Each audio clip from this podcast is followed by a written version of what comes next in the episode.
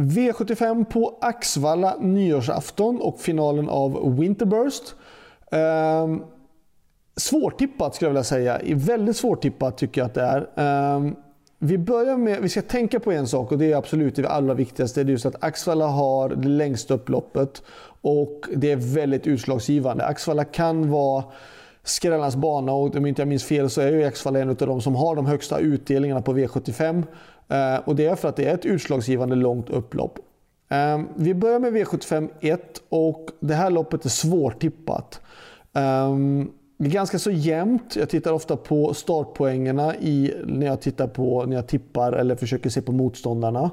Eh, och det är väldigt jämnt i det här loppet. Eh, jag tycker vi ska ta med nummer ett Ipanema Beach. Två Attention Please. Fem Queen som jag själv var med. Jag är lite osäker på hur de kommer ta sig iväg i volten bara. Det är det som är mitt orosmoment. Eh, 10 Juni Rapid, 11 Loaded Laila, 12 Chantal Jet och 13 Katrin SH tycker jag är mest intressant i det här loppet. Så 1, 2, 5, 10, 11, 12 och 13.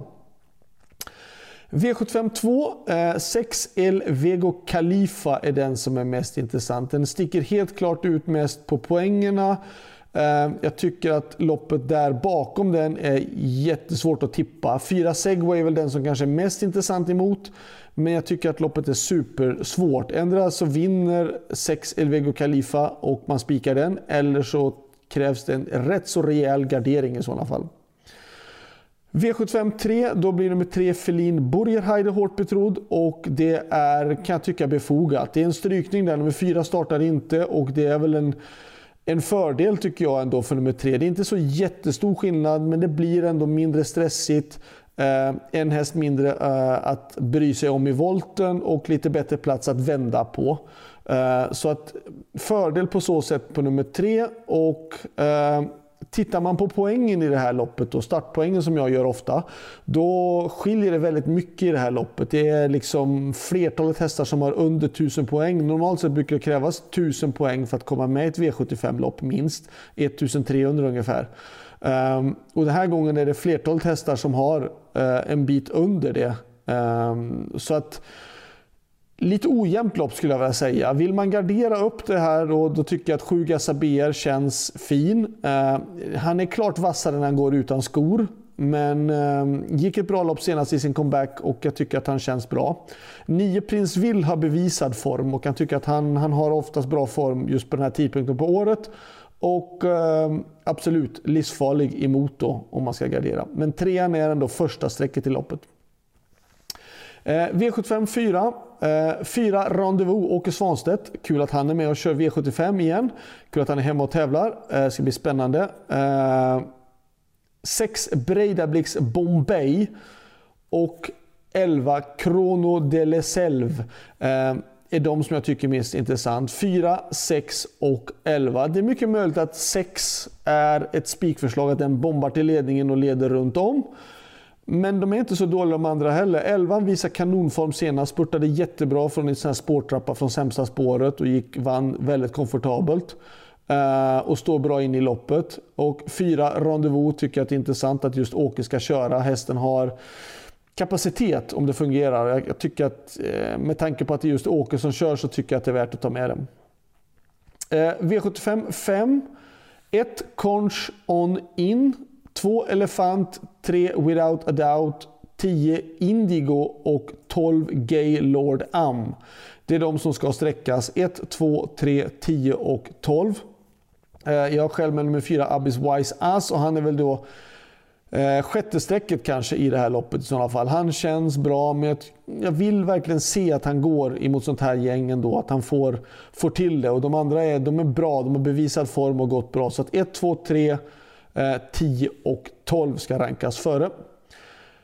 V75 6. Eh, jag ska köra nummer 3 Kövras Joker som är hårt betrodd och är en bra häst som har visat bra form, eh, har bra utgångsläge.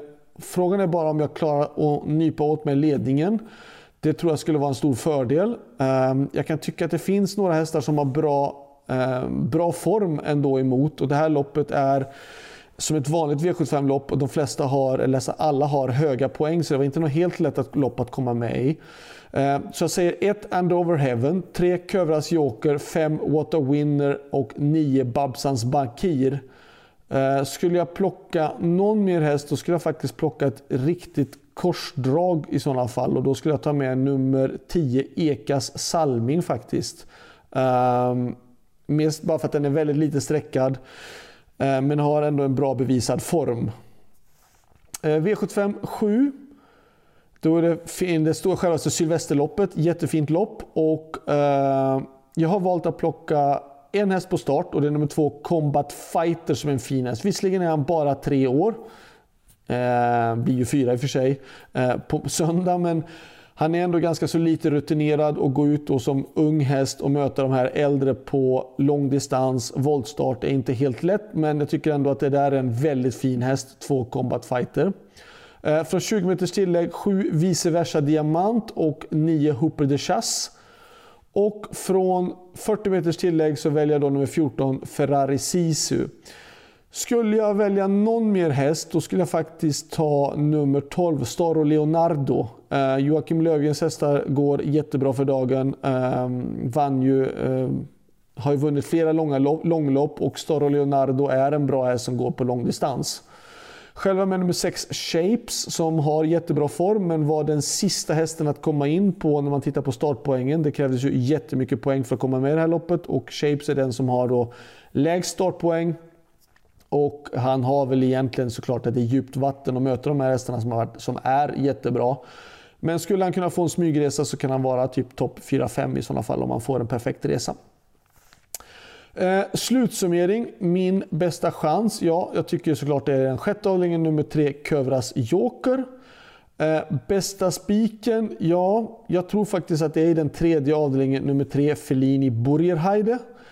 Eller såklart då i avdelning 2, nummer 6, eh, Elvego Khalifa. Men jag tror eh, ändå Felin Burgerheide är den som jag tror har störst chans på att vara eh, en segrare den här dagen.